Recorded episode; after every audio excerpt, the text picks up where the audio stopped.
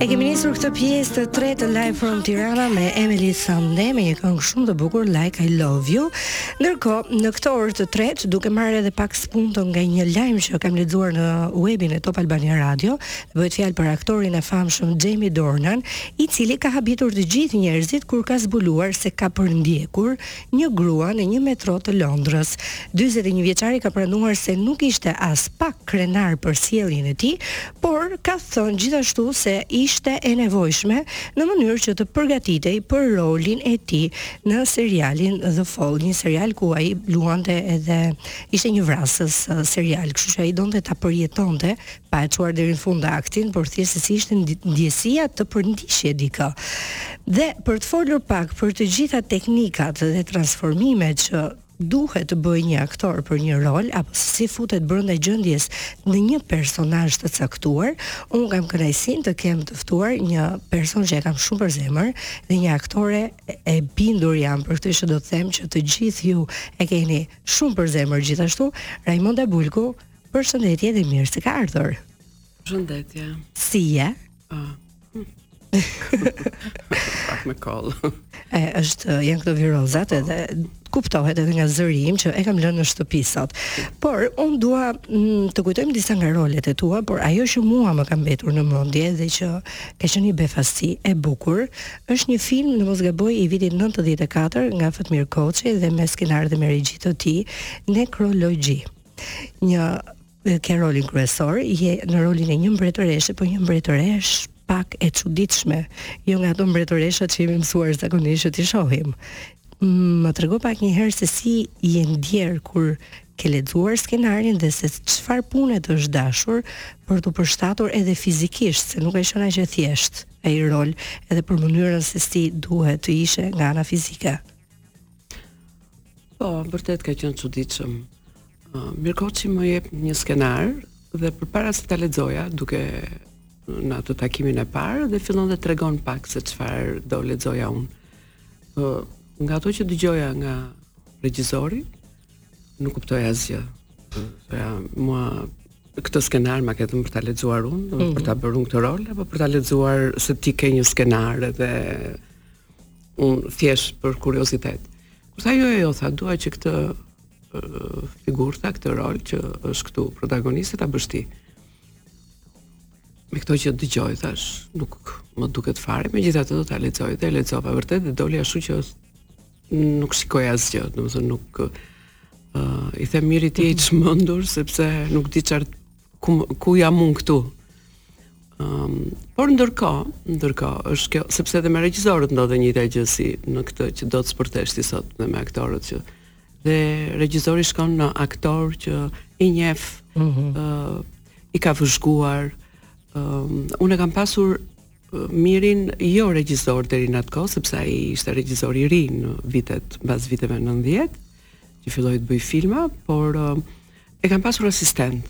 Dhe nganjëherë, në një film, uh, ato probleme dhe ato hallet pas, uh, pas kamerave, nganjëherë, më shumë i flet me ndonjë, me ndonjë asistent, me ndonjë koleg, uh, regjizori është pak më larg, për të, regjizori është për gjëra më madhore dhe më, të rëndësishme për mm -hmm. atë. Kështu që Miri tha unë të njoh, të njoh shumë mirë tha, të njoh dhe atë që ti bën dhe të njoh dhe atë që ti ankohesh dhe e bën. Domethënë, kështu që këtë natyrën tënde e njoh të punës tha dhe jam i bindur tha që ë uh, këtë do ta bëjmë me ty dhe pikë. Okej, okay, thashë, meqë ti je shef dhe ke vendosur, atëherë unë do bëj çfarë Çfarë të duash ti? Domethënë do bisedojmë dhe do realizojmë. Ëh. Uh -huh. Okej, okay, okej. Okay. Unë nuk e vrava mendjen fare, thashë. Dakord, kështu do funksionojë. Sigurisht që lexova përsëri skenarin e përsëri, por thashë momenti i xhirimit e ka filmi të jep dorë për të për të më të natyrshmen që të vjen, domethënë momenti i xhirimit, domethënë kjo është e mira e filmit që mbetet dhe mbetet më e mira. ë uh, ndryshe është teatri që në një mm. natë mund të kesh emocione shumë të forta ose në një natë uh, nuk e di ti je varet mm -hmm. në teatër ka dhe luhatje të vogla ë uh, por ishte një figurë që donte shumë gjëra të tjera domethënë unë kam vënë një nofull atje mm -hmm në te dentistët duhet të zgjeroja nofullën. për të shtuar ca kile, m'u desh të bëja një veshje dhe po të flasim për 94-ën, Shqipëria asgjë s'kishte akoma. E vërtetë. Ndërsa sot, sa kollaj, do ishin gjërat që mua do më bënin trupin tim më, më të veshur, me, me vatina, apo ku di unë me, me gjëra shumë më të lehta. Um, ndërsa aty m'u bë një veshje e brendshme për t'u treguar një trup i madh e i shëndetshëm, me pambuk Pambuki i gjetur nuk e di, në ca depo që jo vetëm i rëndë si veshje. Ëh. Mm por edhe me një aromë të keqe që thoya këtu do ketë ngordhur minj te ky pambuku që më keni futur mua në këtë veshjen e trupit të madh që duhet të dilte aty. Pra fizikisht kisha ca vështirësi. Sidomos kjo proteza te nofullat, se vetëm te nofullat jo te dhëmbët, ishte që Më gjakoste, domethënë më vriste. Do ta ndërpresim për pak dhe do vazhdojmë pikërisht me këto vështirësi dhe sa kohë të është dashur të përshtatesh me veshjen e çuditshme që u realizua në 94-ën, por fillimisht do të shkojmë tek reklamat dhe rikthehemi sërish. Vazhdoni të jeni me Live from Tirana në Top Radio me mua Jeri në mikrofon me mikun tim Për the Xhami DJ Wizi dhe një mikesh që kam këtu në krah Rajmonda Bulku po flasim për filmin Nekrologji me regji dhe skenar të Fatmir Koçit realizuar në 94-ën dhe se sa e vështirë ishte në atë periudhë për t'u transformuar dhe po më thoje pak më parë për pjesën e nofullës që duhet të kishe një protezë artificiale Dhe çfarë ndodhi me këtë protezë në momentin e parë që e vendose? Kam shkuar disa herë te dentisti. Ëh, uh, me Mirin edhe derisa ajo u bë. Ëh, uh -huh. ajo u bë, por ishte një gjë që ishte në në, në pjesën e mishit të nofullës, mbi dhëmbë me një fjalë, kështu që ishte një protezë uh, e adoptuar për film e bërë uh, enkas për këtë punë. Që ishte, ishte e e e dhimbshme, mm. e dhimbshme. Megjithatë sigurisht që ajo dhimbje mua më bënte mirë për të folur ngadalë ose ku di unë për të sepse është edhe roli i tillë që ka atë uh, substancën. Mm.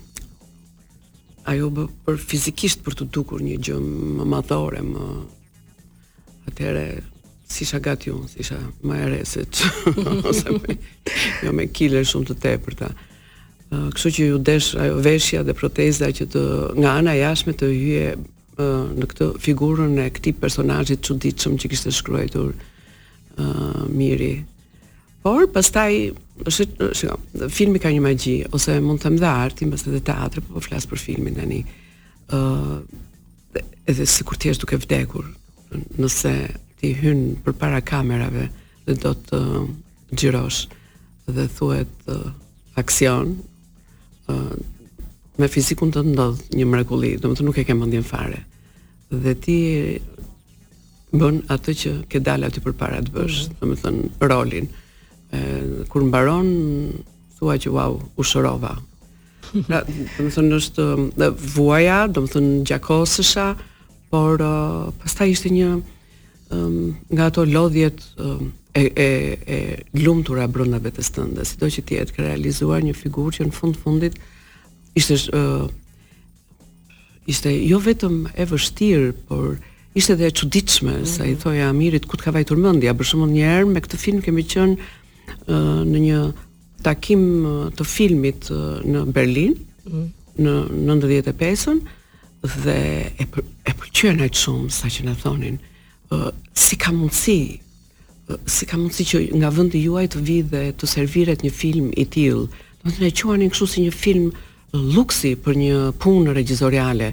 Të njëjtën fjalë, çuditërisht, na kanë thënë dhe në Trieste, që kam qenë po me këtë film. Dhe thonin, si ka mundësi nga një vend, nga Shqipëria, që atëherë kishte vetëm refugjatë shqiptarë që iknin iknin nga problemet ekonomike, sisteme. ishin fillimet e viteve të para të ndërrimit të sistemeve dhe ato vetëm dëgjonin lajme varfëri, varfëri, varfëri dhe thoshte ju vini në festival dhe servirni një film që nuk bëhet në një vend varfër, bëhet në një karrierë të gjatë të një regjisori që ka bërë çdo gjë dhe dua të bëj dhe këtë trill për çdo kohë dhe këtë sfidë për çdo kohë. ë uh, dhe ishte vërtet uh, çuditshëm, por por ka pasur probleme të tjera që Miri i ka realizuar për të bërë atë film, ai në kinostudio vërtet ishte në grahmat e fundit. ë uh, s'kishte film. Dhe Miri zgjodh ta bënte bardhezi. Mm. Dhe në fakt është bardhezi, por ku është bërë xhirimet? Në, xhirimet ku janë bërë? Atë mrekullueshme në Kalanë e Krujës. Mm. Kalanë e Skënderbeut. Dhe sa kohë zgjatën e planos? Uh, ka zgjatur, ka zgjatur një muaj apo dy muaj, nuk më kujtohet mirë tani, por xhirimet i kam pasur vetëm në Kalanë e Krujës. Aty pastaj vendi i xhirimit ishte një mrekulli. Kur shkoj tani e vizitoj, më duket sikur kam prekur çdo vend, çdo cep, jam ulur në çdo tavolinë, në çdo, më duket mm. sikur është një pjesë e imja në atë kështjellë të bukur. Dhe e di çfarë po, çfarë po më kujtoi kur po shpjegoje për veshjen, që ishte një veshje e sikletshme me ato pambukë që ishin dhe të rënda. Nuk e mbaj mend emrin e regjisorit, po mbaj mend se çfarë filmi ka bërë, është Parfumi historia e një vrasësi dhe duke qenë se duhet të kthehej në kohë, pra në 1800 e ca në Paris, Aktorët i ka detyruar që veshjet t'i mbanin gjatë gjithë kohës në trup, njëzet e katër orë në njëzet e katër. Ti sa kohë i ke mbajtur që të ndihesh edhe pak më komode në lëvizjet? Xhirimet edhe po të mos duash t'i mbash, në qoftë se ke tërë ditën xhirim ti tërë ditën do ta veshësh atë dhe ta heqësh vetëm kur të mbarojë xhirimi dhe unë e kisha shumë të vështirë për t'u ndërruar. Unë do e vishja në mëngjes, nëse shkonim atje dhe fillonte xhirimi në mëngjes, dhe unë do të mbaja tërë ditën deri dhe natën, deri kur të mbaronte xhirimi. Dhe duke pritur dhe ndonjë skenë tjetër të ndonjë partneri tjetër, domethënë që s'isha unë. Unë duhet të rrija e veshur sepse nuk mundesha dot ta hiqja dhe ta vishja atë gjën, aq e sikletshme ishte. Pra isha dhe e detyruar për të vuajtur edhe kur nuk isha para kamerave. Edhe jashtë kamerave unë nuk e hiqja dot. Pra U mësova të vuaj në atë rëndesën fizike, por që në ecje ose në plastikë më bënte dhe mirë, sepse duke qenë e rëndë më kondiciononte disa gjëra që mua më më volisnin për rolin.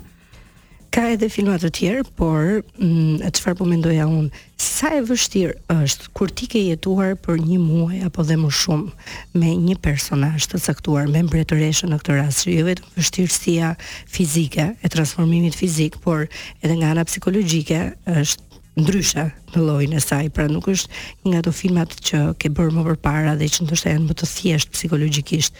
Mua të paktën ky film më duket pak më i veçantë nga ana psikologjike.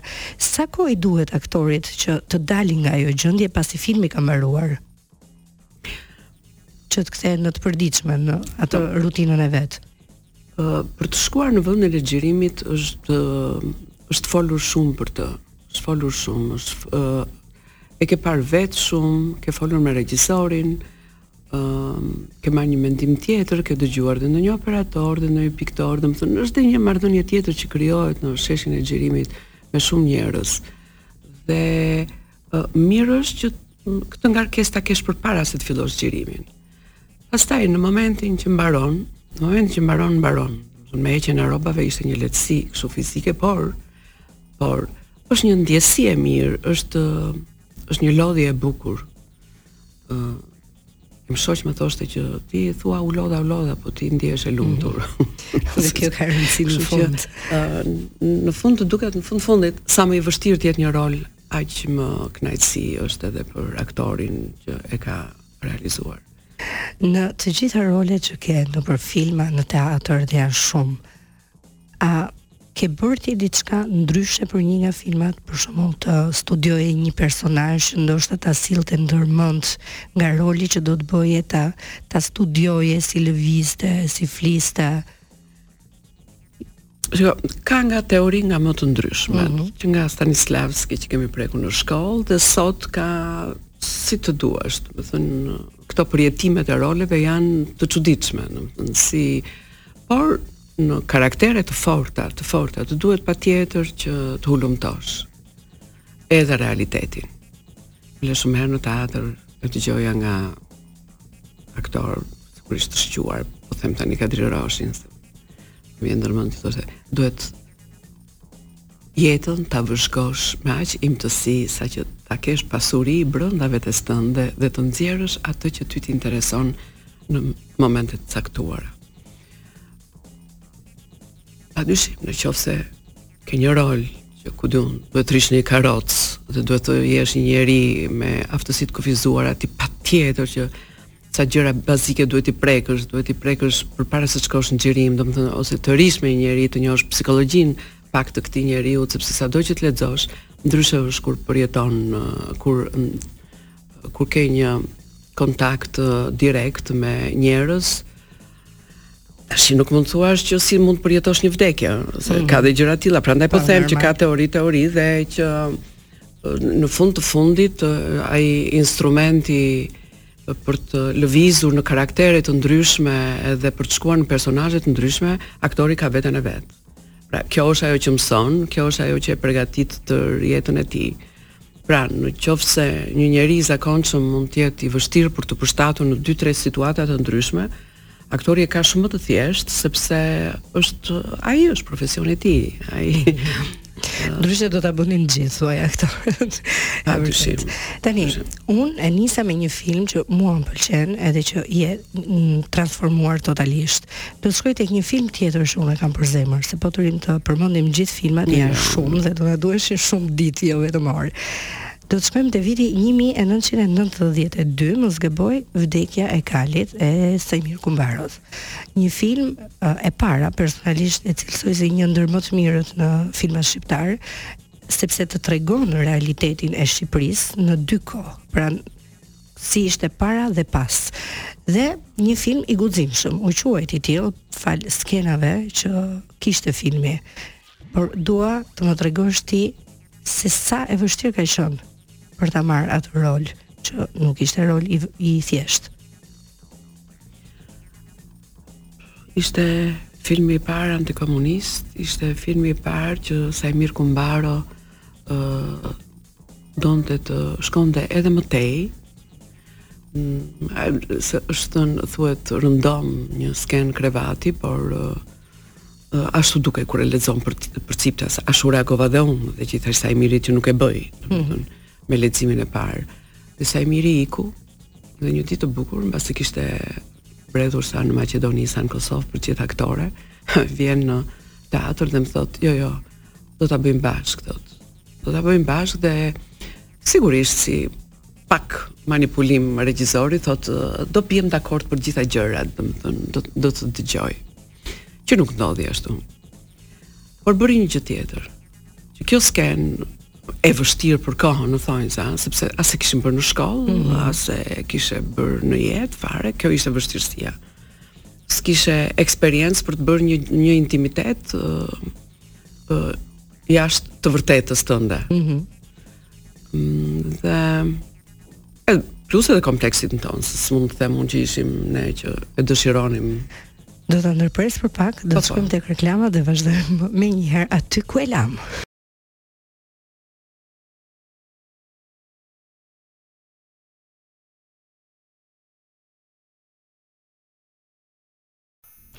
Vazhdoj të jem me aktoren e mrekullueshme Rajmonda Bulku dhe po flasim për filmin Vdekja e Kalit dhe e lamë që Saimiri erdhi herën e parë, nuk e bindi Mondën për ta marrë atë rol, brodhi sa brodhi, u kthye prapë, tha jo do e bësh ti. Dhe do bëjmë ndryshime rrugës, por ndryshimet nuk ndodhën. Jo, Saimiri bëri këtë, Saimiri, vetë puna e xhirimit ndodhi që ne pothuajse po vinte fundi i xhirimeve, mbaruam dhe ato skena që në atë kohë quheshin pak ndryshe ose si për herë të parë, uh, ishin fundi i xhirimeve. Pra unë kisha kaluar tërë kalvarin e ngjarjeve që janë në film. ë uh, dhe ndryshe është kur i xhiron, sepse në fund të fundit uh, ke bërë një përjetim artistik mm -hmm. aty brenda. Pra i ke mbajtur në personazhin tënd të mëvonshëm dhe Dhe vërtet isha e bindur që në qoftë se në atë film nuk dilte që ky çift duhej shumë. Duhej shumë, ishte një çift i ri që e donin shumë njëri-tjetrin, mm -hmm. e kuptonin shumë mirë njëri-tjetrin. Uh, atëherë nuk mund të dilte dhe një humbje dhe një dhimbje e madhe në atë shkatërrim që iu bë këtij çifti nga regjimi. Pra, në momentin që kjo ky çift i bukur shkatërrohet, Në qoftë se do i kish, nuk do i kishim parë në këtë pak intimitetin e tyre se sa mirë rrinin me njëri-tjetrin, atëhere do ishte e zbehtë edhe kjo tragjedi që iu ndodhi atyre. Ky shkatërrimi i kësaj familje që ishte e re dhe sa filloi të lulëzojë, sa filloi që do kishte një pasardhës, uh, siç ishte shtatzania e kësaj. Pra, domethënë, e prerë egërsisht në gjysëm të këtij lulëzimi apo kësaj dashurie mm -hmm. të fortë që ishte midis tyre. Ëm, ehm, kështu që ishim të bindur, domethënë dhe unë dhe Timo, por nuk ishim shumë të përgatitur, pra nuk ishim të qetë. Ëm, ehm, herë herë thonim që nuk dimë dhe ta bëjmë, domethënë, mbase nga nervoziteti mund të thonim dhe të tilla fjalë. Pak truke të Saimirit. Atë kohë çuditërisht ndodhej në Tiranë një Marlisa Trombetta. Ka qenë një grua që ë uh, në moshë që ne e shikonim te Rai Uno çdo mbas të diele apo ku di unë nuk e di të hënë, nuk e di, uh, bënte analizë tërë filmin që dilte në kinemanë uh, italiane. Dhe merrte analizonte. Pra e, e njihnim si personazh. Mm -hmm. uh, Dhe ishte në Shqipëri, nuk e di se për çfarë. Dhe gjendej në Kinostudio. Dhe Saimir Kumbaro që i kap, kështu me atë natyrën e vet, kështu në ajër ose i dinte, nuk e di, dhe i sjell në dekor për të dhe ata ishin shumë kuriozë për të xhiruar një moment se si për të parë se si xhirohej një film. Ajo për filmin fliste, tërë profesionin e saj kështu e kishte analizën e filmit që shfaqej në kinemat italiane. dhe iu tha si duket atyre dhe kameramanit edhe Marlisës që këtu për herë të parë bëhet një është një dhomë çifti që do shohim dy njerëz që duhen dhe që duhet të ndodhë diçka, një gjë e lehtë, ç'rëndësi ka, por që është për herë të parë thoshte në Shqipëri, nuk është bërë kjo, ta bëri tragjike. Dhe ajo që hapte sytë Edhe gjitha, kështu që ndihmoni pak aktorët e mi që për t'u çliruar. Ai operatori shkoi dhe në anën tjetër të krevatit filloi të fliste me Timon edhe ndërsa unë nuk e harroj kurrë atë grua që rrinte te dera e dekorit gjysmë pasi ishin përzënë gjithë njerëzit, domethënë kishin dalë tërë elektricistët, kishin bërë gati sheshin e xhirimit dhe nuk ishin më aty. ë uh, dhe e sigurisht e kishte dëgjuar sa e mirë dhe që më shifte mua që përpëlitesha kështu aty. Kush e di si reagoi? Mm. E di që isha nervoze. Edhe që më thoshte, "Qetësohu, ti je shumë e bukur. Ë, uh, nuk ka asnjë gjë kjo që po bëni ju. Nuk nuk është erotike, nuk është seks, domethënë nuk është shumë me një fjalë. Mm -hmm. Është thjesht për të treguar një gjë të bukur. Ti je e bukur, thoshte. Puthja është shumë e bukur, është shumë njerëzore. Dhe tërë kohën fliste kështu, dhe unë rrija kështu e shifja dhe ta dish ti se ku jetojmë ne ose në ç'mentalitete që duhet të kem dhe tërë tërë uh, opinionet uh, në në në kokën time apo të kisha emocionet e filmit apo të bëja mirë rolin aty e nuk i kuptonte këto megjithatë nuk e harroj Që thoshte, mos ki turp, je shumë e bukur, puthja është shumë e bukur, shumë njerëzore, është shumë e mirë, me sa kuptoj dhe në këtë film është që duhet. Domethënë e çuditshme, ndikoi, ndikoi aq ndikoi pozitivisht, domethënë këto ishin ato zgjuarsitë e regjisorit që po kur u shfaq filmi Si ishte impakti i njerëzve të tjerë që po e shihnin për herë të parë? Nuk u morën shumë me këtë skenë sepse filmi kishte të bënte me një ngjarje shumë të rëndë. Mm -hmm dhe ishte pikërisht ajo që jo vetëm dhe ai që e kishte shkruar, e kishte menduar sepse ishte një skenar i shkruajtur shumë bukur.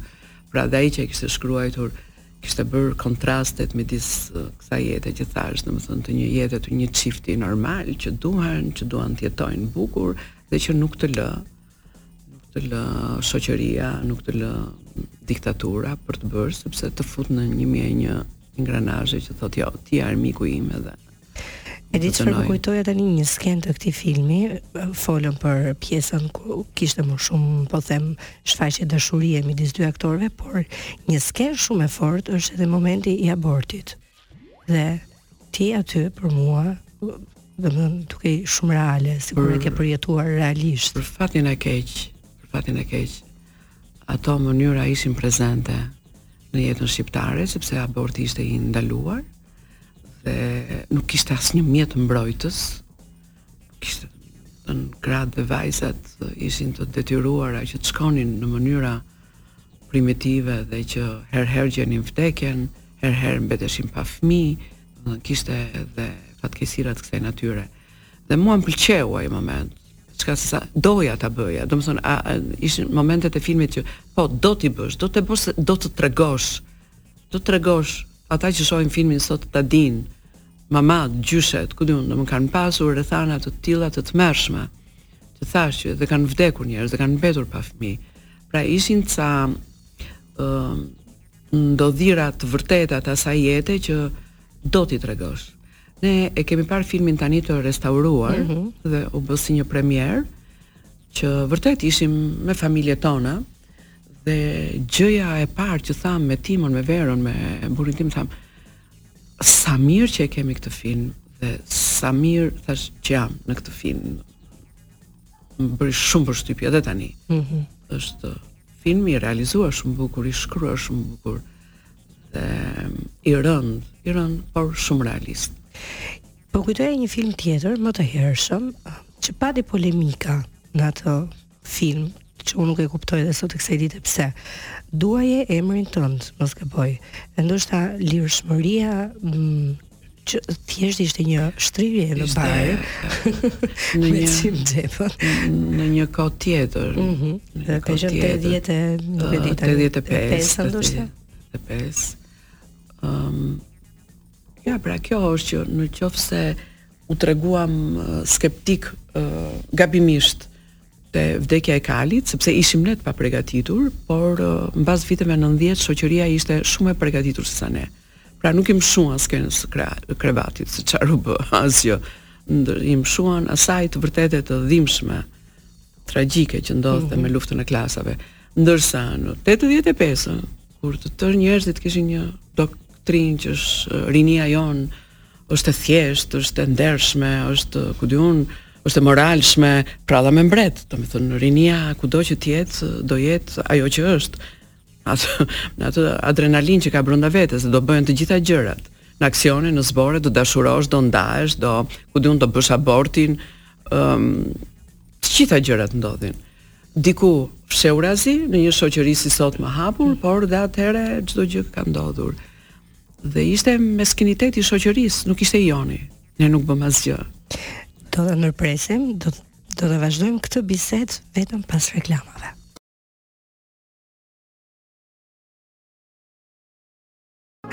Vazhdojmë të jemi me Live from Tirana në Top Albania Radio me mua Jerin në mikrofon dhe me Rajmonda Bulkun.